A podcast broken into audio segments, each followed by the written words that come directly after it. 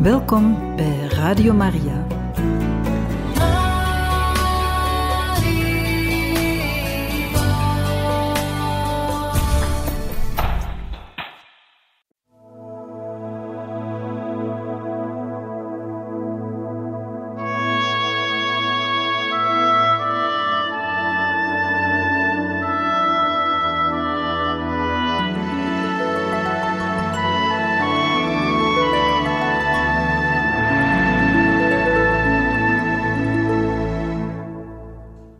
Beste luisteraars van Radio Maria, in dit programma Heilige Getuigen gaan we verder met de lezing van het boek over Johannes van het Kruis, met de titel Geboren uit Gods adem en geschreven door Crisogono de Jesus.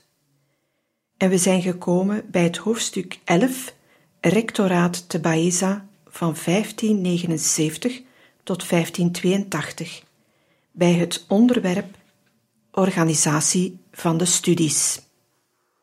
Veel luisterplezier. Een tijdje daarna, als het kloostertje uitgebreid en ingericht is, komen de novissen van La Penuela en Calvario en men geeft de stichting het karakter en de naam van college. Het is het eerste dat de ongeschoeiden in Andalusië hebben. Johannes van het Kruis organiseert de studies.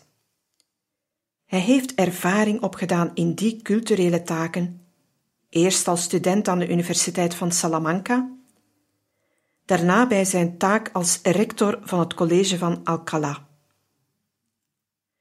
Het schijnt dat de studie aanvankelijk beperkt bleef tot theologie, die de karmelieten, daar er geen eigen professoren van de orde zijn, studeren door de cursussen aan de universiteit te volgen.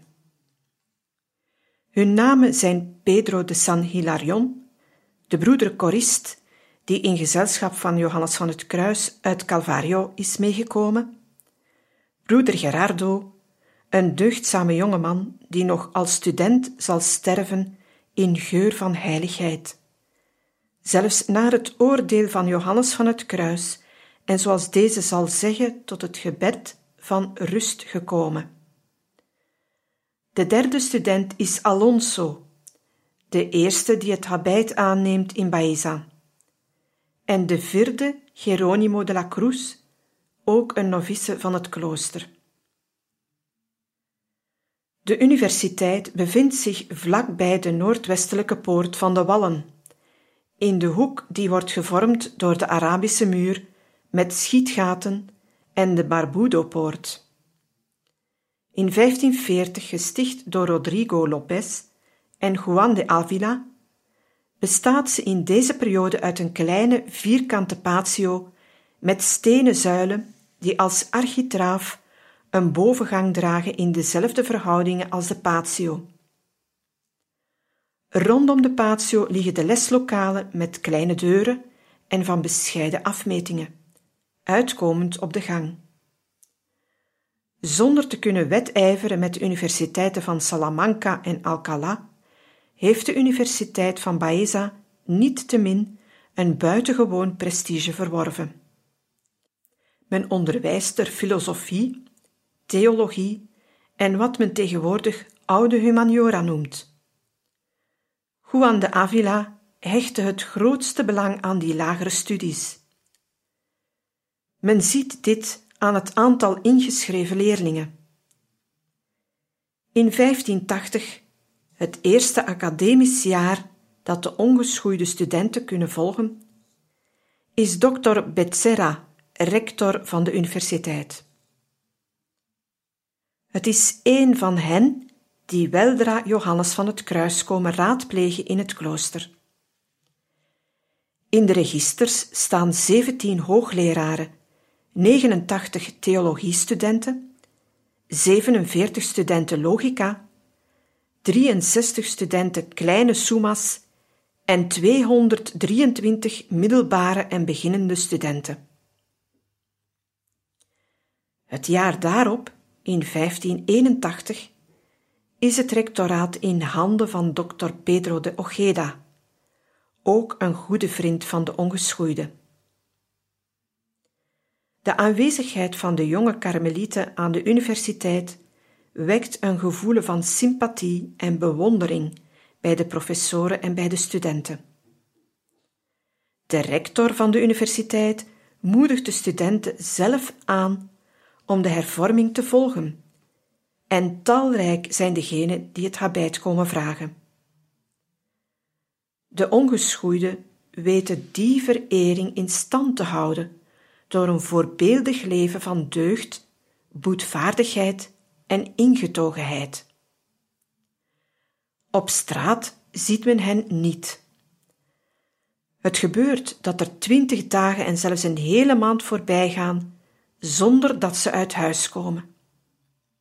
De mensen zeggen dat men hen nog alleen maar aan het altaar ziet. En men noemt hen heiligen. Met professoren en studenten in de spreekkamer. Daartoe wordt vooral bijgedragen door het prestige van Pater Johannes van het Kruis, bezieler en stut van dit leven. De professoren en de studenten komen op het Sint Basilius College van de Ongeschoeide, de heilige rector, raadplegen. Ze brengen urenlang met hem door. Juan verklaart hun de schrift, spreekt met hen over theologie, over de mysteries van het geloof.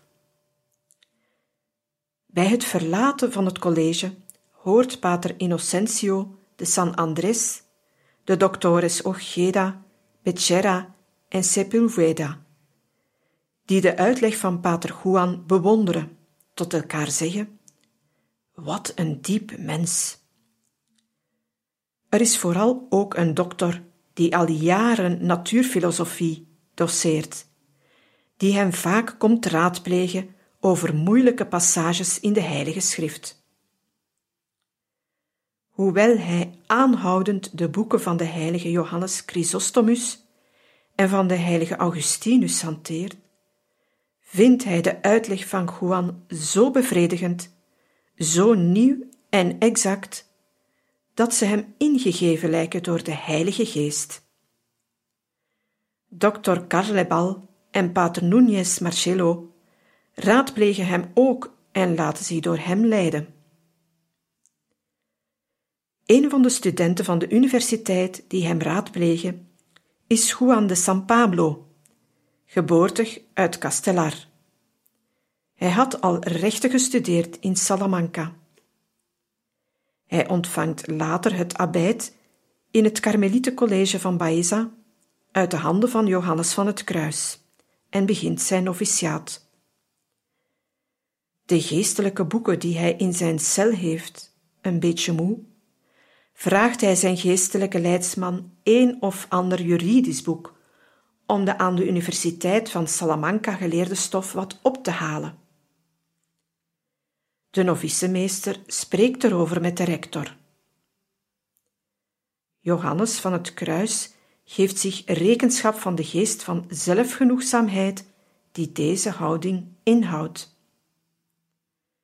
Hij neemt alle devotieboeken weg bij de novice en geeft hem een kleine catechismus en een lei, zoals aan kinderen, om elke dag zijn meditatie te doen.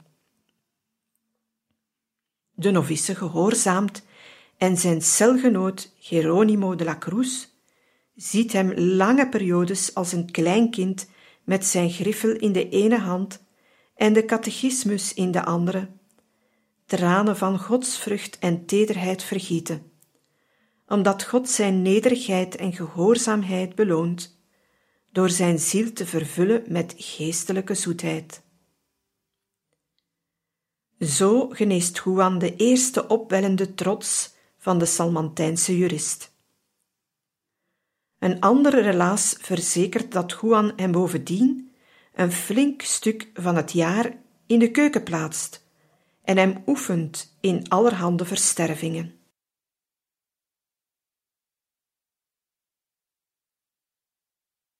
Broeder Juan de San Pablo komt die beproevingen door als een voortreffelijk ongeschoeide.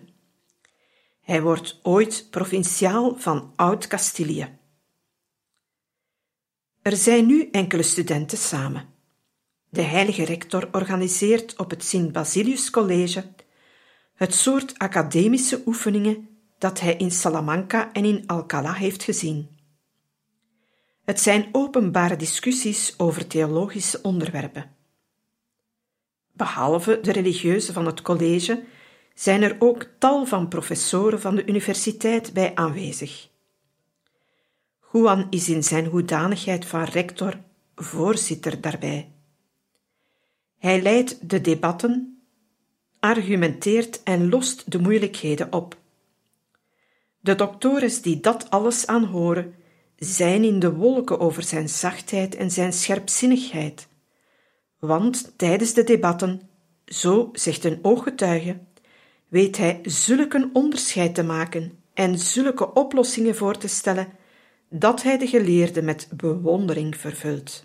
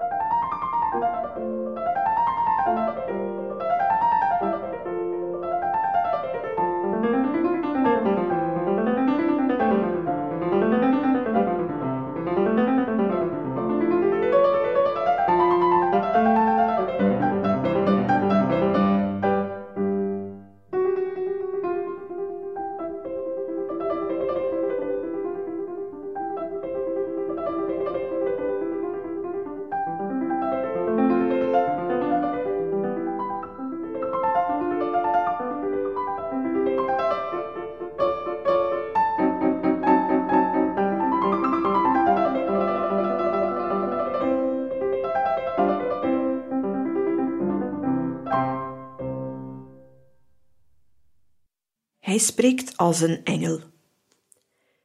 Die culturele bezigheid belet hem niet zich met het nederigste werk in huis bezig te houden. Hij is de eerste in de communiteitsakten, de eerste ook om te vegen, om te schuren, om de altaren in de kerk te versieren, want hij ziet die graag schoon en versierd. Hij bekommert zich om de uitbreidingswerkzaamheden in het klooster. Voor de decoratie van de kerk doet hij een beroep op Juan de Vera, een schilder en beeldhouwer uit Ubeda. Terwijl de kunstenaar aan het werk is, bevindt Pater Juan zich vaak naast hem. Sinds de dagen in Medina houdt hij hiervan en tijdens zijn jeugd heeft hij zich trachten te bekwamen in het graveurs- en schildervak. Vaak vraagt Juan de kunstenaar, als het werk gedaan is, samen met hem te eten in de refter van de religieuze. Een keer komen er mensen uit de stad in het klooster vragen om op een bepaalde datum missen te lezen. Men heeft al afspraken voor diezelfde datum en Juan waarschuwt die mensen dat men wel op een andere dag missen kan opdragen, maar niet op de dag die ze vragen. En pater geeft hem dan de volgende raad. Over vier dagen is er niemand meer voor wie we ze kunnen lezen, en hebben we er dus nodig. Waarom niet aanvaarden? Wat doet een dag vroeger of later ertoe? De heilige antwoordt: Ik moet de waarheid zeggen en niemand bedriegen. Het is aan God ons het nodige te geven wanneer het ons zal ontbreken. En hij wijst het aanbod af. Die oprechtheid van de overste doet niets af aan het vertrouwen en de liefde die zijn onderdanen voor hem hebben. Elke dag hebben ze na het middagmaal een uur recreatie. In plaats van zich van Juan te verwijderen, gaan de religieuzen om hem heen zitten, luisteren naar zijn gepraat, dat soms geestelijk is, dan weer van onverschillige of ontspannende aard, om daarna zijn innemendheid te prijzen. Zij die, nadat ze bij de eerste maaltijd opgediend hebben, pas bij de tweede eten, laten een deel van hun eten staan om zo gauw mogelijk weg te gaan, ten einde naar de rector te luisteren, want het lijkt hun dat hij spreekt als een engel. Voorkeur voor de zieken. Een flink deel van de dag wordt in beslag genomen door de bezigheid waar de voorkeur van de rector naar uitgaat: het bijstaan van zijn zieken. Hij brengt lange tijd door aan hun bed, bekommert zich om hen, troost hen en verwendt hen zelfs. Als een van hen geen eetlust heeft, vraagt Juan hem wat hij graag zou willen eten. Geduldig somt hij alles op waarvan hij veronderstelt dat het zijn eetlust zou kunnen opwekken. Wanneer hij iets gevonden heeft dat de zieke aanstaat, zegt hij het hem onmiddellijk te brengen. Het doet er niet toe of het iets zeldzaam is. Voor de zieke kijkt hij niet op wat het kost. Zelfs niet als het om geneesmiddelen gaat, die de zieke volgens de arts toch niet kunnen genezen. Het is voor Pater Juan genoeg dat hij weet dat het de zieke een beetje verlichting kan geven.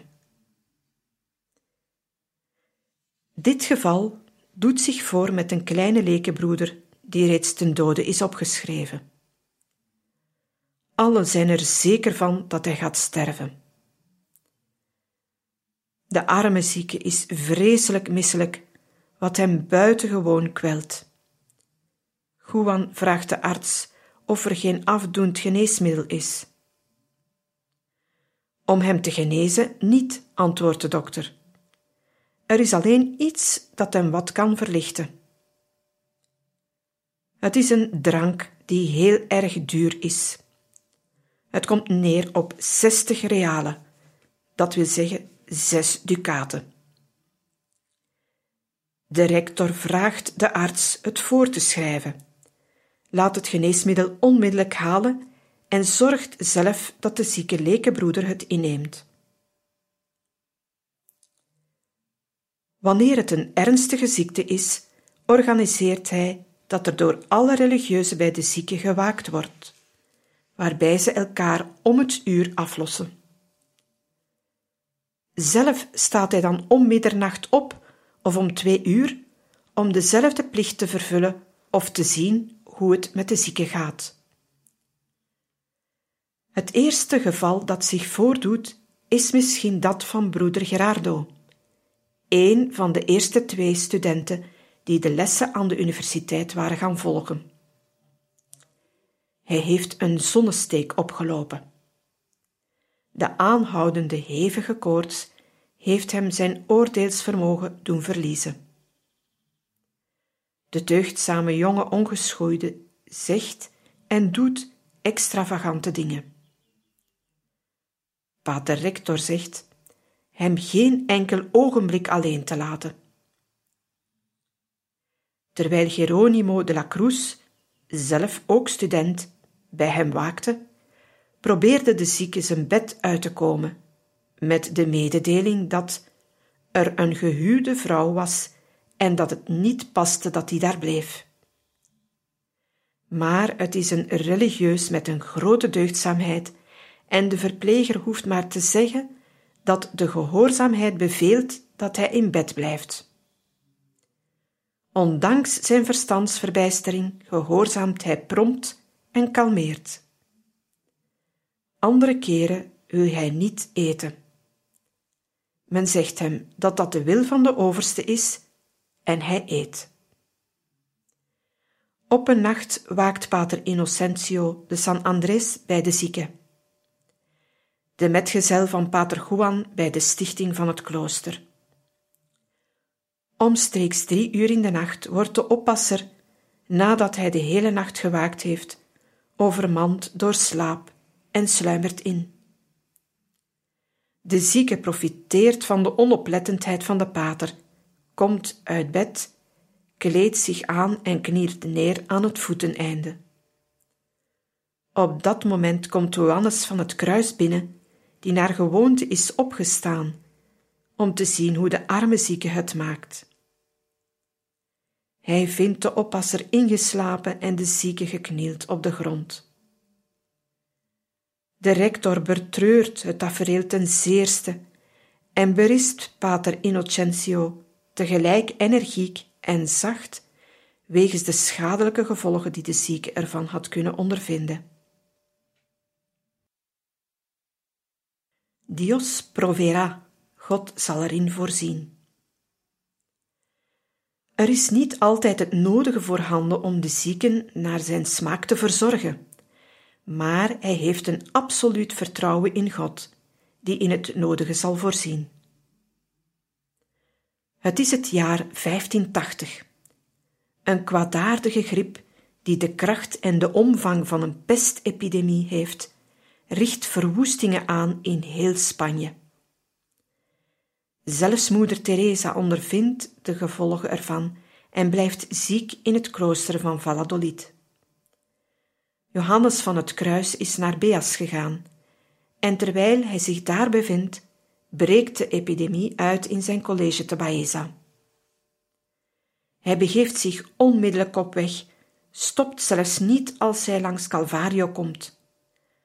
Wanneer hij in Baeza aankomt, vindt hij al zijn broeders ziek, achttien religieuzen te bed. Zijn eerste maatregel is het vierendeel van een rund te laten komen. Hij laat het vlees gereed maken en brengt het zelf naar de zieken, waarbij hij hen aanmoedigt en zo nodig beveelt om te eten. Soms spreekt hij met hen over geestelijke zaken, soms over onverschillige of echt ontspannende dingen. De zieken horen hem zelfs kostelijke verhaaltjes vertellen.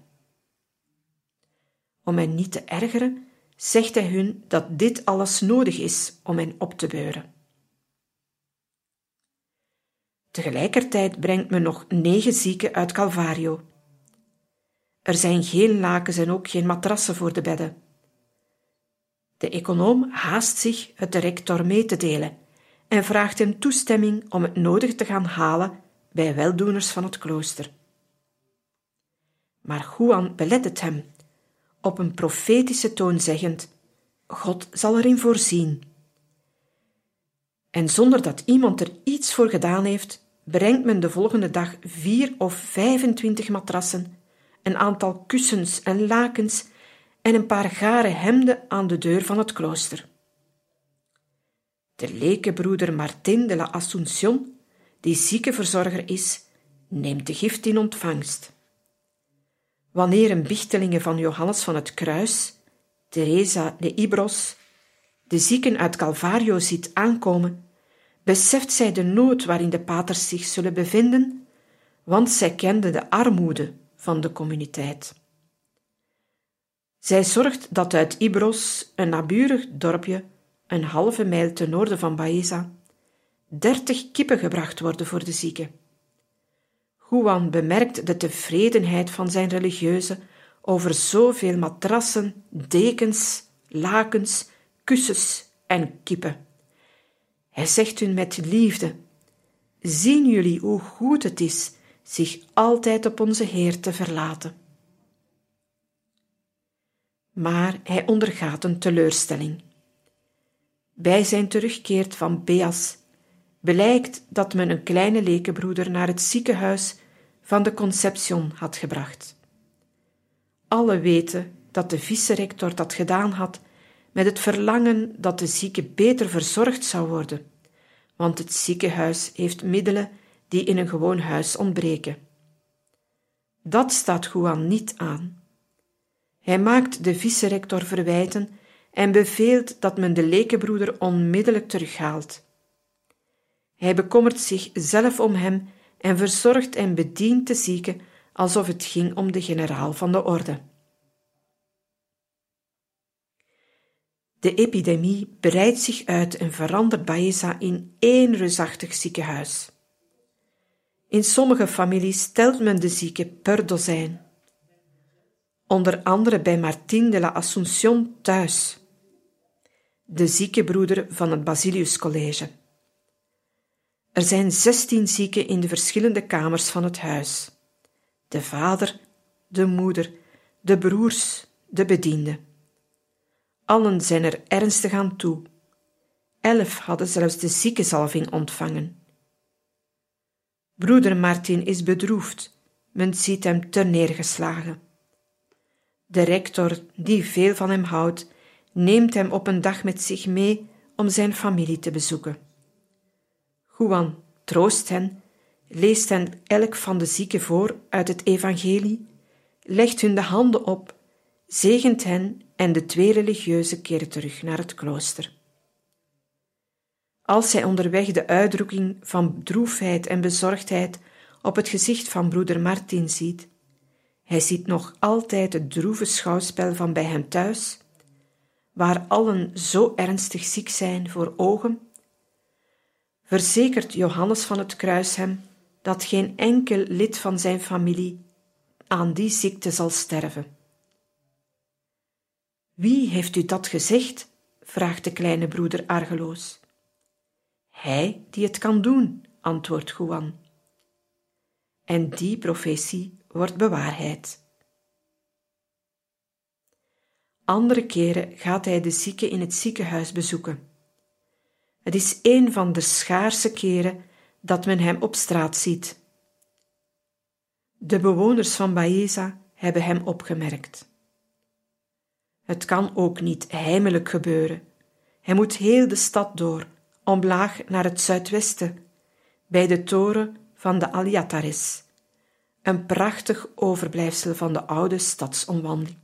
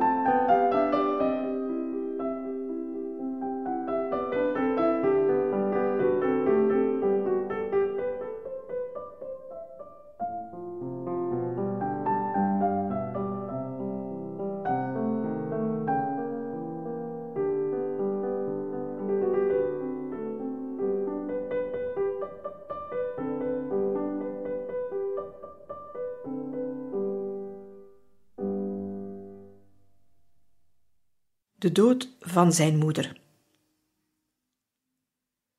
Terwijl hij zich zo bekommert om de zieken in Andalusië, doet zich in datzelfde 1580 in Castilië een droevige gebeurtenis voor die Johannes van het Kruis wel heel sterk moet aanspreken: de dood van zijn moeder Catalina Alvarez.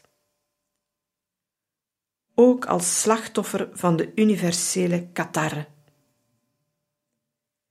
Zij sterft in Medina del Campo, waar zij samen met haar oudste zoon, Francisco de Yepes, woonde. Hij heeft haar verzorgd en heeft haar de ziekenzalving laten toedienen, die de heilige vrouw met veel devotie heeft ontvangen. Hij heeft haar liefdevol de ogen gesloten. De ongeschoeide moniale van Medina, met wie zij zeer vertrouwd was gebleven, sinds moeder Teresa hun had opgedragen haar te helpen en bij te staan, zorgen dat zij in hun eigen kerk wordt begraven, ervan overtuigd het lichaam van een heilige te ontvangen.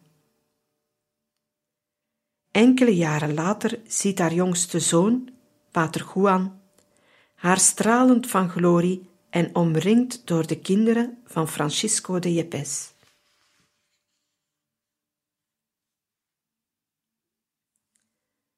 Hoofdstuk 12 Geestelijke leidsman van 1579 tot 1582 Op zoek naar geestelijke leiding. Er heerst in Baeza een buitengewoon klimaat van godsvrucht. De 19 parochiekerken worden zeer druk bezocht. Het zijn niet alleen vrouwen die zich bekommeren om hun geestelijk leven. De mannen wedijveren met hen in vrome praktijken en godsdienstzin.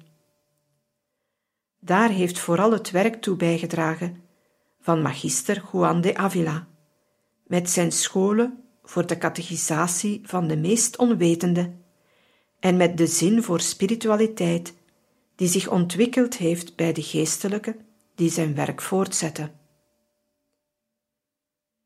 Door hun voorbeeldig leven en hun voortdurend apostolaat zijn zij erin geslaagd een ingrijpende hervorming van de zeden te bevorderen in heel de streek. Talrijk zijn de vrouwen die zich zonder de wereld te verlaten, wegens hun levensstaat, toch wijden aan een leven van boetvaardigheid, gebed en ingetogenheid, alsof ze religieuze waren. Sommigen hebben begijnhoven gevormd en dragen op straat het begijnenkleed.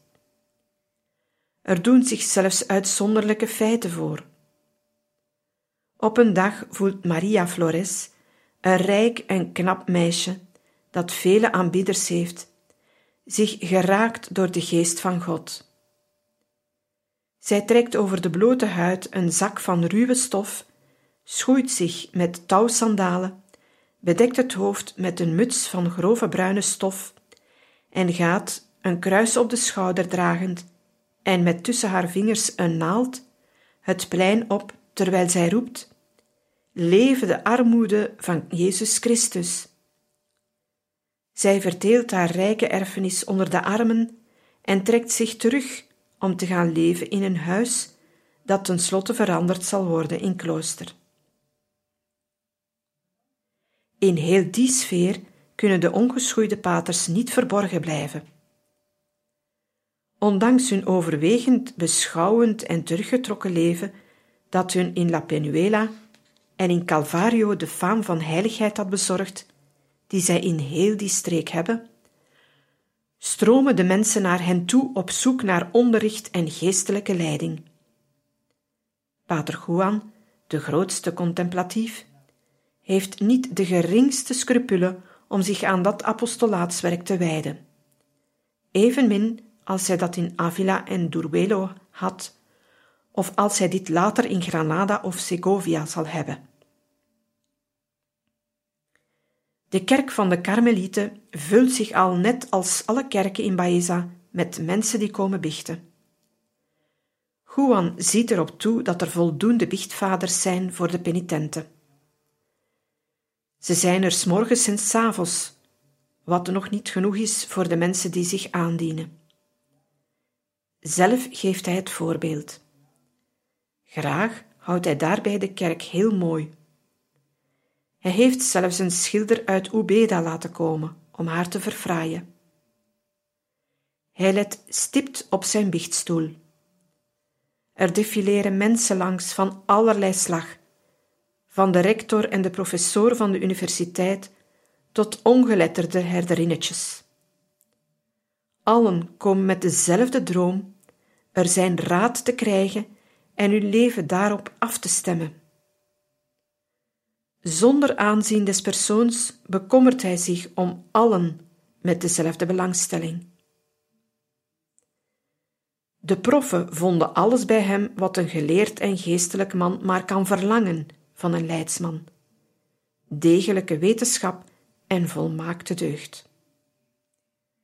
Ook vele universiteitsstudenten hebben hem als biechtvader. De vrucht van die leiding blijkt uit het leven van de professoren en uit het tabijt dat de studenten dragen, allen ongeschoeide met eminente kloosterlinge deugden.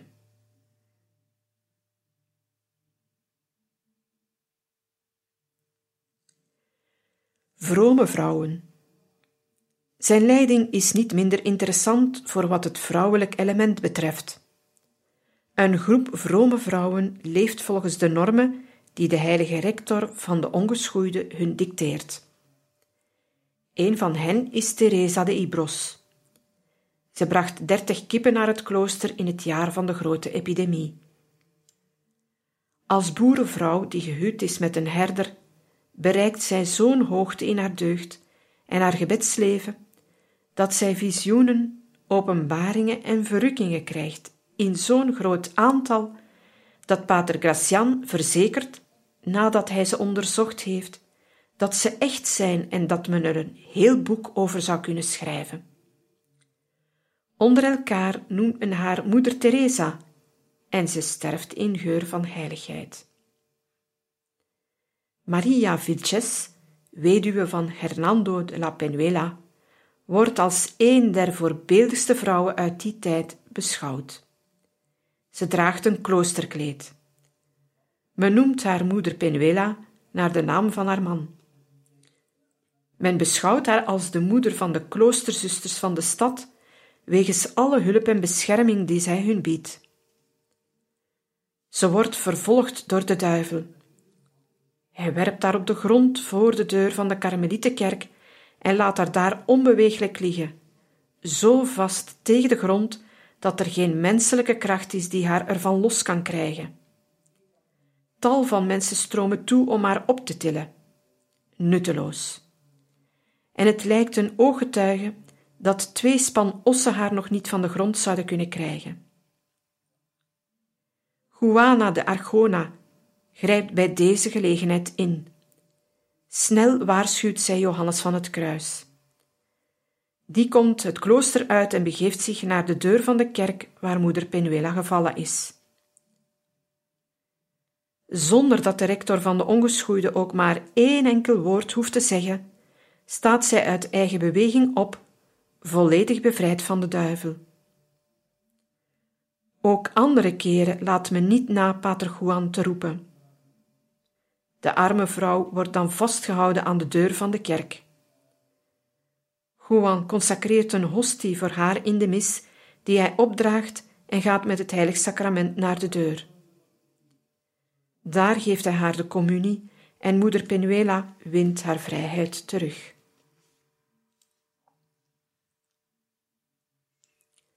Op een dag viert Juan de Eucharistie. Moeder Penuela is daarbij aanwezig. Op het tijdstip van de communie van de celebrant blijft hij, nadat hij het kostbaar bloed genuttigd heeft, met de kelk in de hand als aan de wereld ontrukt.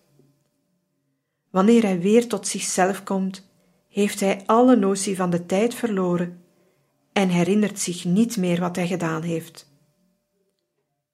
Hij vouwt het corporale op en trekt zich terug van het altaar, in de mening dat de mis beëindigd is. Als hij zich naar de sacristie begeeft, trekt moeder Penuela, als hij langs haar komt, hem voorzichtig aan de kazuifel en zegt hem: Wie gaat deze mis beëindigen? Mochten de engelen haar komen beëindigen? Een pater moest hem naar het altaar begeleiden en hem zeggen dat de mis nog niet afgelopen was. Wilde Juan haar voortzetten, zij het met minder kracht, maar toch gedurende een ogenblik in verrukking. Juana de Argona is ook een trouwe bichtelinge van de heilige rector van de ongeschoeide. Het is het meisje dat pater Juan verrast had toen hij een muurtje afbrak om de kapel te vergroten op de dag van de inhuldiging, en die hem toen geholpen had bij het schoonmaken, zodat hij de mis kon lezen die 14 juni, het feest van de Allerheiligste Drie-eenheid. Sindsdien had hij zich in haar volle jeugd van 16-jarige onder de geestelijke leiding van Juan geplaatst. Zij zou haar leven beëindigen als karmelieter Beata. Als zestigjarige zal ze zich nog de tijd herinneren dat zij de heilige kende en het geestelijk vervolmakingswerk dat hij bij zijn penitenten verrichtte. Beste luisteraars, we beëindigen hier voor vandaag deze lezing uit het boek van Johannes van het Kruis en gaan volgende keer verder met hoofdstuk 12, geestelijk leidsman, bij het onderwerp met de fijngevoeligheid van een heilige. We hopen dat u ervan genoten hebt en graag tot wederhoren.